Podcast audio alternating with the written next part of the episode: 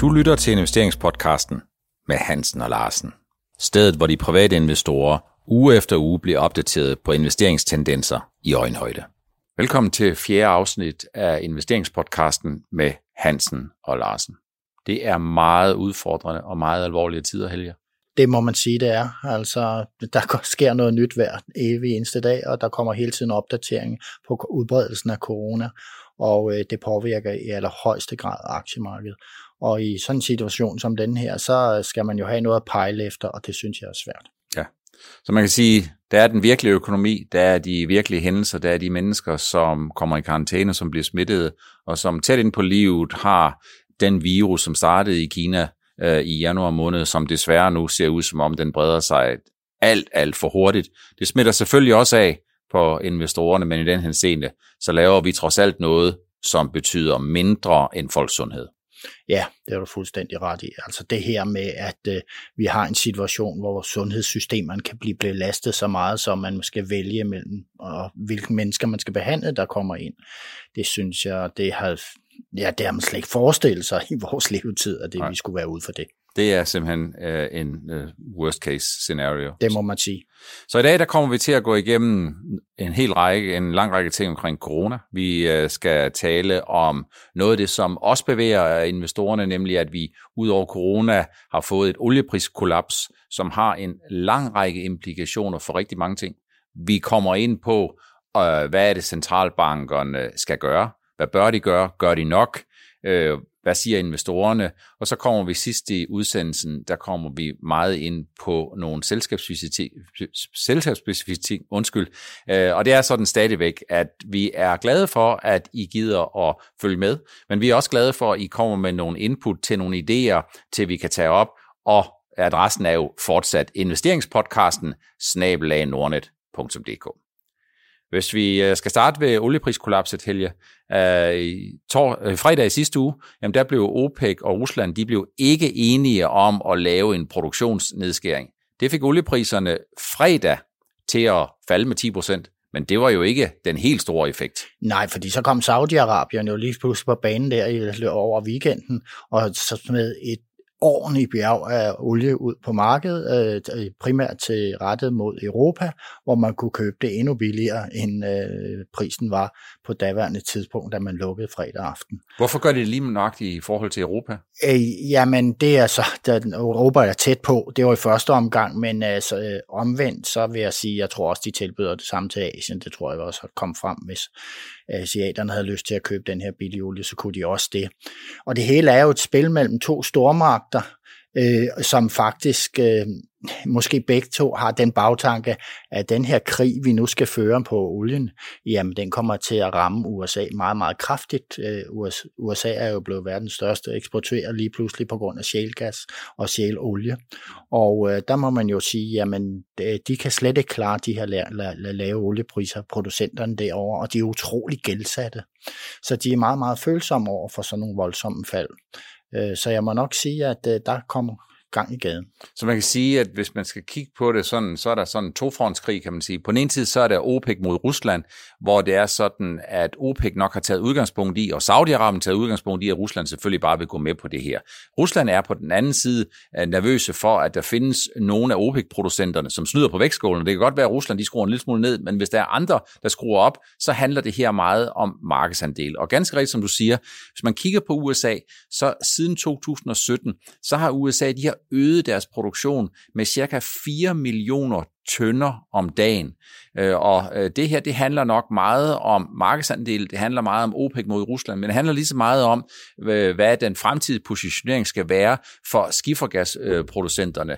Og hvis man bliver i tvivl om, hvad, den her, hvad det her olieprisfald på mere end 10 dollar fra faldet i fredag faldet fredag i sidste uge, og så ned til mandag, hvad det for eksempel kunne have af implikationer, så kan man prøve at kigge på en af de der skifergasproducenter, der hedder Occidental Petroleum. Den har tickerkoden OXY. Hvis man kigger på den, så vil man se, at det olieprisfald, der har været de sidste 6-7 uger, efter at amerikanerne lavede eller dræbte general Soleimani i Iran, og hvor man initielt fik en stigning i olieprisen, så vil vi se, at tre fjerdedel af aktiekursen i Occidental øh, Petroleum, den er væk. Det er fuldstændig det samme i mange af de andre børsnoterede sjælgas- og olieselskaber derovre. Og situationen er jo den, at de, i 2014, der kunne bankerne godt låne ud til de her selskaber, så de kunne blive holdt kørende. Men der har faktisk lukket meget kraftigt af for det de senere år. Så de har jo kørt med virksomhedsobligationer øh, og alt muligt andet, øh, fik om de øh, for at skaffe penge. Og det er jo sådan noget junk, øh, og regnes for junk-status af alle de her lån til, til shale, gas og olie i USA det må jeg nok sige, det er en farlig cocktail, vi, vi ser her. Så de, nu har Trump været ude og love, at, fordi der er mange arbejdspladser i den sektor, har mm. været ude og love, at der skal nok komme noget støtte på den ene eller anden måde, og det hjælper jo også en lille smule her øh, på det norske marked, som er meget olieorienteret her i dag, her til morgen. Ja. Det var man glad for at få den melding, det var man sådan set også i USA i går. Men det, der nu skal ske, det er jo, at øh, de skal jo finde sammen igen, Saudi-Arabien og Rusland, og USA kommer forhåbentlig med på den også, så de får, vi får balance i olieprisen igen. Mm. Så man kan sige, på kort sigt, så kan det godt være, at olieprisen bliver trykket lidt. Det kan også godt komme til at vare en måned eller to, når det er sådan nogle store alfahander, som der jo er i OPEC og i Rusland, og sikkert også i USA, hvis det er sådan, Donald Trump han er ved, øh, ved forhandlingsbordet. Men på lidt længere sigt, så må man sige, at en oliepris sådan i størrelsesorden 30-35 dollar, den afspejler nok hverken ønskerne fra OPEC eller fra Rusland, og heller ikke fra USA, og den afspejler nok heller ikke en ligevægt. Nej, det gør den ikke, altså, men man kan sige, at det der er jo sket, det er, at vi har jo et efterspørgselsproblem, og det er jo faktisk, man kan sige, at coronaen udløser jo det her, at der kommer lavere efterspørgsel, først for Kina, og nu forudser man, at det kommer for resten af være en lavere efterspørgsel på olie. Og så er vi jo derhen, hvor man kan sige, at hvis der ikke bliver købt noget øh, olie, og ikke får brugt noget olie i samme omfang som tidligere, jamen så vil prisen være presset hele tiden. Men mm. bare vi dog kunne komme op mellem 40 og 50 dollar, det ville være fint for for mange af landene, og så vil det være fint for øh, producenterne, nogenlunde fint for shale, gas og olieproduktionen mm. i USA, ja. for de har, den er, teknologien er blevet meget bedre, så de kan producere til et lavere pris. Så man kan sige, at hvis man skal prøve at sætte et tal på, så hvis der øh, til hverdag bliver produceret cirka 100 millioner tønder, og der i en normal situation, hvor der er balance i markedet, er efterspurgt 98-98,5 millioner, så er der sådan nogenlunde balance. Der er en lille smule i overskud, men det skal nok gå. Så har vi Kina, som køber en 10 12 millioner tønder om dagen, de køber et par millioner tønder mindre. Det vil sige, at i virkeligheden så hedder relationen ikke 100 mod 96,5, øh, eller 100 mod 98,5, den hedder måske 100 mod 96,5, så har vi OPEC og Rusland, som siger, vi lægger lige, øh, vi lægger lige nogle flere chatonger på bordet, vi lægger lidt mere olie ud på øh, markedet, og det vil sige, så flytter man simpelthen øh, udbuddet fra 100 til 102, men efterspørgselen flytter sig jo ikke opad, den flytter sig måske snarere nedad på basis af den her globale tendens, du siger, og så kommer der altså til at mangle øh, købere til en 5-6 millioner tønder hver dag. Det giver på den ene side en lavere ligevægtspris, det giver en lavere oliepris, og derfor falder oliepriserne. Men det giver også noget andet, Helge, og det er jo sådan for mig at se den naturlige overgang til, hvor er det den her lavere oliepris, kampen om markedsandele, sådan for alvor bliver synlig. Og det, som jeg selvfølgelig tænker på, det er tankskibsmarkedet. Ja, og tankskibene, der sker jo det, altså, og det har man jo også gjort på, på andre tidspunkter, øh, hvor olien er faldet meget i pris, så begynder man at spekulere i, at man kan ikke lære al den her olie, hvis man vil købe noget. De her trader, der sidder og siger, Nå, nu er der et godt køb der. Så skal de have et sted at opbevare olien, og det bliver jo så øh, ude på vandet. Så fylder man tankskibe op med olie, som man har købt billigt, og så regner man med, at man kan sælge det dyre, for eksempel om en måned eller to. Og det sker jo i stor stil lige de her dage. Så det har været, været rigtig spændende at være i tankskibssektoren. Der har jeg haft øh, nogle mindre positioner, men jeg faktisk øget dem, da jeg så, at, at, at nu blev der altså øh, flere skibe, der skulle bruges til læring. Mm. Og øh, det må jeg sige, det, vi, vi har jo tredoblet eller firedoblet nogle af raterne her på de bare nogle ganske få dage. Mm. Og kurserne er også steget meget på, på det, dem, vi kender, Frontline og Honda, og, og også på de amerikanske TK og, og hvad der ellers er i sektoren. Ja. Så man kan sige, at det her det viser flere ting. For det første så viser det, at øh, olieindustrien er en foranderlig øh, industri. Det viser, at tankskibsinvestorerne, det er altså nogle 0-1-investorer. Enten så er de i rigtig godt humør, eller også er skibet sunket, øh, kan man sige. Så, skal, så, så skal de simpelthen ikke have noget. Og det skal investorerne huske på, når de ligesom siger, kunne det her være en interessant, lidt længere sigtet investering, så kan det meget ofte være, at man ligesom siger, nej, lidt længere sigtet, det findes nok ikke rigtig inden for tankskibsindustrien ben, fordi investorerne, de bærer jo præg af, at de over en meget lang periode øh, er øh, blevet snydt, kan man sige, af nogle ledelser, som ikke i tilstrækkelig omfang er øh, god til at sætte øh, tand for tunge, som ikke er rigtig god til at, at gøre det rigtige. Per, nu er vi i den situation, og hvis det hele havde været super fint uden corona, så havde vi været i den situation på tankskibsmarkedet, at der ikke kom så mange nye tankskibe ind, og vi havde det her med scrubbers og øh, sådan så der var en, øh, en ratepræmie, når man havde scrubbers, og så skulle de andre sejle øh, på letolie, som var rigtig dyr. Men det her spread mellem øh, den øh, beskidte olie og så den, der er blevet renset, øh, letolien, øh, det, det jo har jo indsnævret sig. Mm. Så, og, så lige pludselig er der, kan, kan alle typer måske få noget ud af det ja. at være sejl. Og så er der så det andet problem, at øh, hvad nu det hedder, der kommer nogle skibe ind, øh, udefra ind i markedet, men, men omvendt vidste vi jo godt som investorer, det var så først øh, aktuelt, måske mest i 2021. Ja. Så jeg vil sige, øh, hvis... Øh, ja, hvad tror du, der sker, hvis coronaen brænder ud her løber sommeren? Jamen, jeg tror jo, at vi øh, her og nu øh, vender tilbage til noget, der, der vidner om, at investorerne de er meget kortsigtede. De sidder og kigger på raterne, og så siger de, skal vi købe øh, øh, tankskibene, så skal vi købe dem, eller skal vi købe sejlads med, med aktierne der, så skal vi købe dem, så længe raterne de er høje. Og hvis raterne de begynder at give sig, så tror jeg ikke faktisk, at investorerne de kigger særlig meget på, hvorfor de giver sig. De sidder bare og kigger på, at de giver sig, og så går aktierne ned. Men for mig, så er det et vidnesbyrd om, at vi faktisk, øh, i hvert fald på kort sigt, vender tilbage til det, som var bevæggrundene for, at man overhovedet gik ind i tankskibene i slutningen af 2019, nemlig at markedet for første gang i fem år ser ud som om det er i balance. Det vil sige, de skib, der er, øh, som udbyder deres, øh, deres øh, ydelser, jamen de bliver sådan set nogenlunde fyldt op med, med olie. Og det vi kommer til at se øh, nu, siger investorerne, det er jo, at vi over de næste to til tre år kommer til at se, når der er mange skibe, der skal hugges op, og der ikke er særlig øh, mange, der bliver nykontraheret, så kommer der til mange skibe og det giver højere rater. Ja, det er sådan, det er. Øh, men man må sige, at de investorer, der er i shipping, de er meget, meget kortsigtede, og de er meget spekulative, så det, vi skal jo nok alle sige, at alle skal ligesom være varsomme, hvis de går ind i det her segment. Ja, så, man, så tilbage til det der ting, at købe og være i shipping en lidt længere periode, det kan godt være, at man skal være det, man, men det kræver altså, at man er, øh, har hård hud på fingrene, at man ikke er særlig følsom, og man er klar over, at naturen i den her industri, den er præget af utrolig mange investorer, der måske samtidig sætter sig på taget, men er lige så hurtige til at drage videre, hvis de finder et andet sted, hvor det er mere interessant at være. Ja. Og det, jeg vil holde øje med, det vil være udmeldinger omkring, hvor meget olie for eksempel Kina de ønsker at hamstre. Hvis jeg skal prøve at lave et regneeksempel på det, hvis Kina de køber 10-12 millioner tønder øh, dagligt, og de lige pludselig i løbet af 6 uger ser, at olieprisen falder fra 65-70 dollar ned mod 35 dollar, jamen så er det 10-12 millioner tønder gange med en besparelse på 30-35 dollar per 159 liter. Det er altså 350 millioner dollar. Og der har kineserne historisk jo vist sig at have en rigtig god næse for at få købt ind på lavere priser. Det, kineserne er gode købmænd, og man kan sige, det må man jo håbe også, øh, resten af verden er nu, hvor øh, olieprisen er så lav.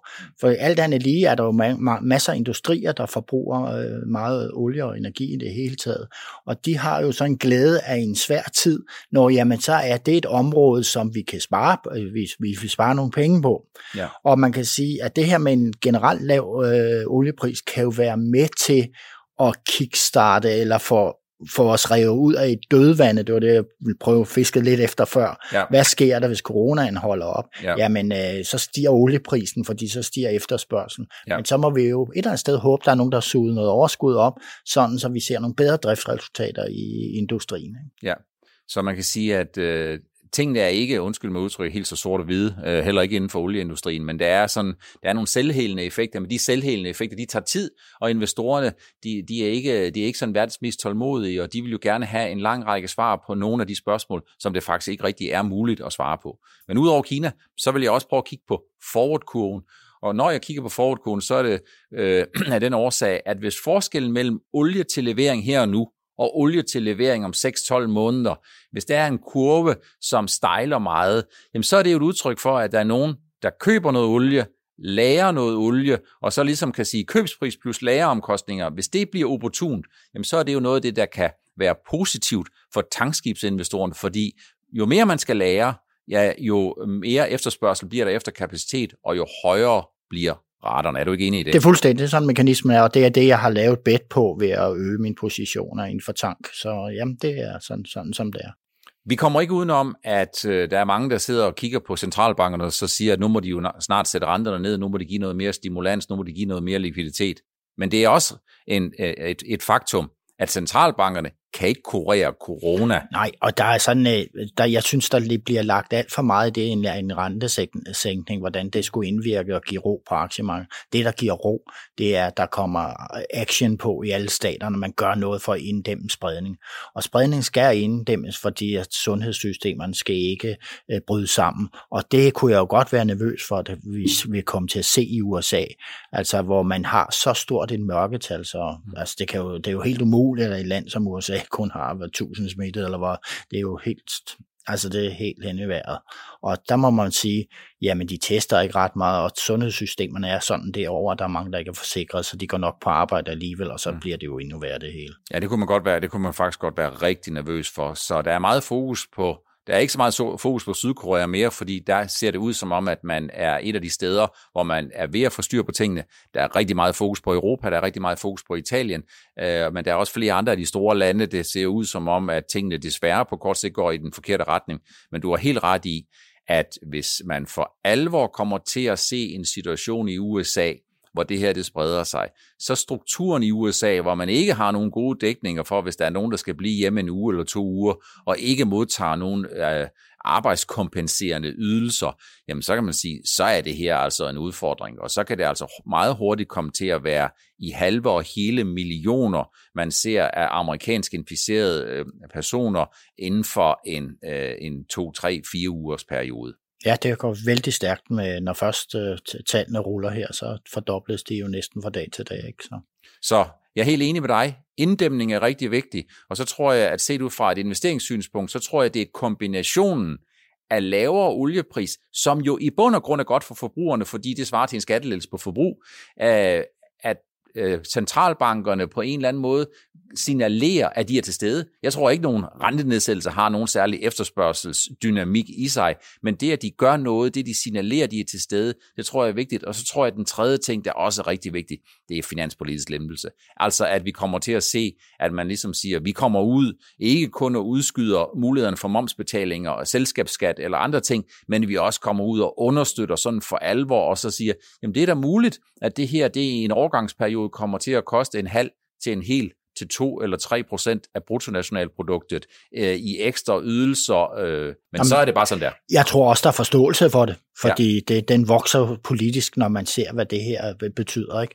Altså, vi kan jo gå ud til SAS og så 20 procent ned på, på, øh, på lønningerne. Ja. altså, og man kan jo se, hvor, jamen, hvor dyrt bliver det for staten, hvis, øh, hvis vi skal ud og afskede folk i, ja. ude i vores virksomheder, ja. fordi vi ikke har råd til at, at lukke ned. Ja. Så, så derfor så mister man jo skatteindtægter. Så hvis man laver en cost-benefit-analyse, så skal man i gang med et finanspolitisk lempelse af stor grad. Ja. Så man siger, det er sådan kombinationen af ting, der ja, det hele, over ja. tid kan være med til at nivellere de her ting ud. Det er kun tre uger siden, Helge, den cirka 19, eller ikke den cirka, den 19. februar, der fik vi all-time high på aktiemarkederne. Og tre uger senere, jamen der er folk jo naturligvis meget nervøse og meget udfordrede. Er det, er det business as usual? Ja, det er sådan, det er. Altså i starten undervurderer man konsekvenserne, når der sker noget globalt. Så undervurderer man det, ja. og så sker der det, at øh, så kommer panikken, og så overvurderer man det. Ja. Altså det, det er sådan, det er. Men jeg vil sige, den situation, hvor man får flere og flere ramte med coronasmitte, øh, der er det svært at, kan du sige, at undervurdere eller overvurdere. Det, man ved ikke, hvor det bærer. Vi ved ikke, hvor det bærer hen, Per, hvis vi skal være helt ærlige. Nej, det gør vi ikke, men jeg synes jo også, at det er også det budskab, jeg sender til dig, og jeg er også det jeg, budskab, jeg hører, du sender til mig, at vi skal lytte efter dem, som har mest forstand på det. Vi skal lytte, ligesom alle mulige andre. Vi skal tage de budskaber til os, som myndighederne sender, de kompetente myndigheder, som har en reel mulighed for at vide, hvad det er det bedste. Og så skal vi passe en lille smule på, at den her vi ved bedre selv attitude, at den ikke kommer til at få et for stort gennemslagskraft. Fordi så er det simpelthen sådan, at så kommer det her til at tage længere tid, øh, inden vi øh, kan se toppen af den her smittespredning. Men vi er sådan enige om, at øh, man, man har det lidt bedst af at sidde stille i båden i den nuværende situation, fordi ja. man kan nemt komme galt afsted ved at sælge det hele, og man kan måske få købt sig på noget, som ikke stiger alligevel. Så, ja. så det er i hvert fald mit råd, at man lige prøver at klappe hesten og se, hvad man gør i den nuværende situation, eller hvad der sker globalt på den nuværende situation. Ja, så kan man jo sige, at altså, så er det sådan, det skal man huske på, at uh, der er en hård fin grænse også tidsmæssigt mellem top og bund, eller top ja, ja, ja. mellem nervøsitet og glæde, og det ja. viser de der tre uh, uger uh, helt klart noget om. Og så skal man også huske på, at det, der sker i den virkelige verden, når det bliver uh, kommer ind i en finansiel kontekst og skal uh, fordøjes på uh, aktiemarkederne af nogle investorer, som naturligvis har ondt i maven, øh, jamen så kan det sagtens betyde, at det bliver ganget med en faktor 2 eller faktor 3, og på den måde, så kan man sige, hvis der er nogen, der kigger på aktiemarkedet og tænker, det er den bedste, det er den, den bedste idé, som samfund de har omkring, hvad der sker her, så kan jeg godt forstå, at der er nogen, der står uden, udefra og kigger ind og så tænker, puha, jeg tror lige, jeg slukker for boks 1 her, for det ser ikke ret ud. Nej, det er helt oplagt, sådan er det jo. Ja. Vi får stadigvæk øh, gode spørgsmål fra jer. Vi har været øh, inde på det tidligere, men Helge, vil du ikke bare lige prøve at summere op Honda og Frontline? Tankskibsindustrien, dit, øh, din, din idé øh, omkring at være investor der? Ja, man kan sige, det er jo, at det er, når raterne stiger, jamen så stiger kurserne som regel også. Øh, og nu er der jo en, øh, en, en, et flow ind i, i, i af, af investorer, der løber ind i tankskib, og det gør de jo, fordi det er det eneste sted, de kan se, der er blå, blå tal. Ja. Øh, resten er rødt, ikke? Ja. Så, øh, så der er der mange, der løber ind i, og man kan sige, at de norske selskaber, Honda og Frontline, de er jo enormt populære, i, også blandt amerikanere, især Frontline. De elsker jo Frederiksen der, som er ja. stor aktionær der, ja. ikke?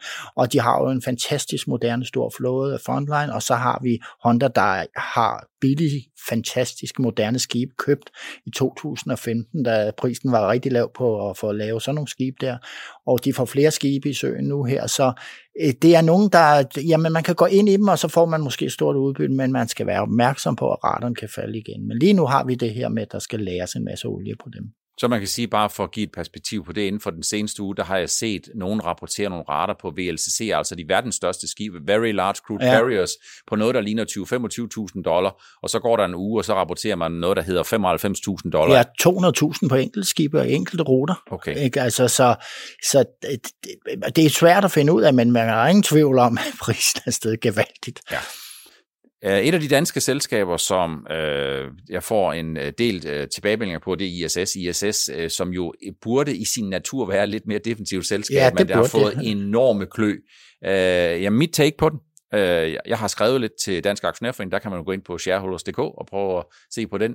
For mig at se, jamen så er det et spørgsmål om, at øh, ledelsen har mistet styringen, og ledelsen, øh, investorerne har mistet tilliden til ledelsen. Der er simpelthen bare kommet for mange nedjusteringer. Selskabet blev reintroduceret på børs i 2014. Det gik faktisk rigtig fint. Aktien steg fra 160 til i underkanten af 300. I dag der ligger den i overkanten af 100, og det ser ud som om, at investorerne øh, øh sidder og venter på enten at ledelsen skal gøre bordet rent, eller også, at de skal gøre rent bord.